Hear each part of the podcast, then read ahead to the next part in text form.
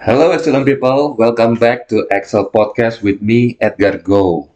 And today episode, we are going to run this episode a little bit different because for this episode, we are going to do the podcast in English. So, first of all, please forgive me for my bad English.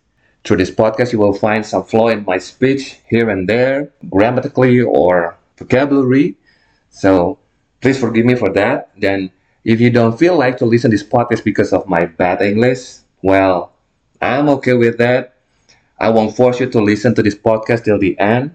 But if you can stand with me, I believe you are going to get benefit from this episode because I'm going to tell you a blind spot that I found in some leaders. So, stay tuned.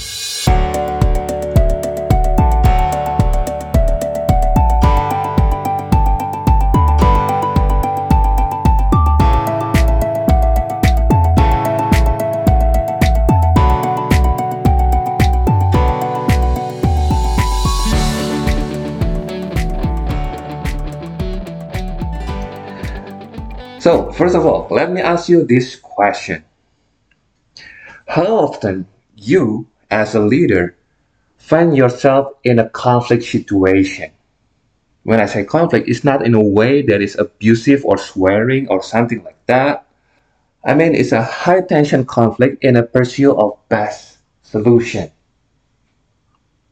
Why I ask you these questions? I ask you this question because I found some leaders don't like to find themselves in a conflict situation. For them, conflict is annoying or simply bad, especially in our culture. For Indonesian, we tend to avoid conflict because we see conflict as a bad thing.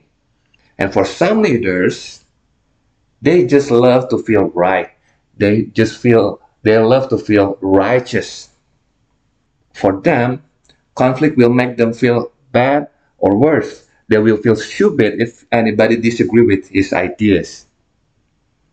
But the thing that they may not realize that the situation will hinder them to get the best from the team they lead. If the majority people in your team are easily to say yes to whatever you say, then let me tell you, you are in danger. You might just put the wrong people in your team. Because if you have too many people that agree with you easily, it will hinder you to get the best solution, best decision for your organization.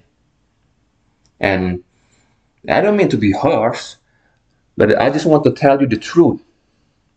If you want to be seen as the smartest person in the room, then you could just stay with people like this. If you want to be known as the most brilliant person in your group, then you won't see the value in conflict. And listen to this. Best decision, best solution is yielded from a good conflict that you have with your team.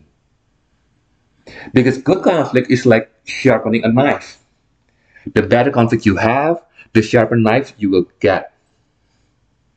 And it means you will get the best of the best solution that you possibly get. So if you have someone in your team that is so critical, and in many occasions they seems like attacking your ideas, don't feel offended. They might be such a good resource for your team. If you feel offended by them, you know what? You will try to shut them down or you will start to attack them back using a harsh tonality or even a harsh words. And guess what? They will learn that showing disagreement with you is a dangerous move. They will adapt and start acting like a good ship. You don't want a team like that, don't you? And don't get me wrong. I don't say that you have to be an asshole who love to have disputation with everybody. What I'm trying to say is that good leader leaders seek for a good healthy conflict with their team because they are fully aware that they don't have all the answer and the best decision is derived from an unfiltered discussion in pursuit of truth. That's how the best team win the game. And so, I hope after this podcast you will love to have a healthy conflict with your team.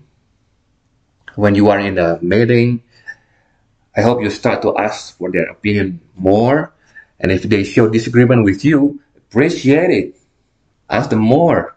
Ask them to tell you more why he disagree with you, why they think it's not a good idea. And ask them for their ideas. And if you start to feel offended, then remind yourself that you don't have to be the smartest person in the room. If you don't provide the best answer, it doesn't mean that you are a bad leader. Because good leader is not always provide the best answer. Good leader is someone who could ask good questions so they will get the best answer from his him. So that's it for today's episode. I know it's a short episode, but I hope you enjoy this podcast and get something from this episode for your journey as an excellent leader. And thank you for listening and see you on the next podcast.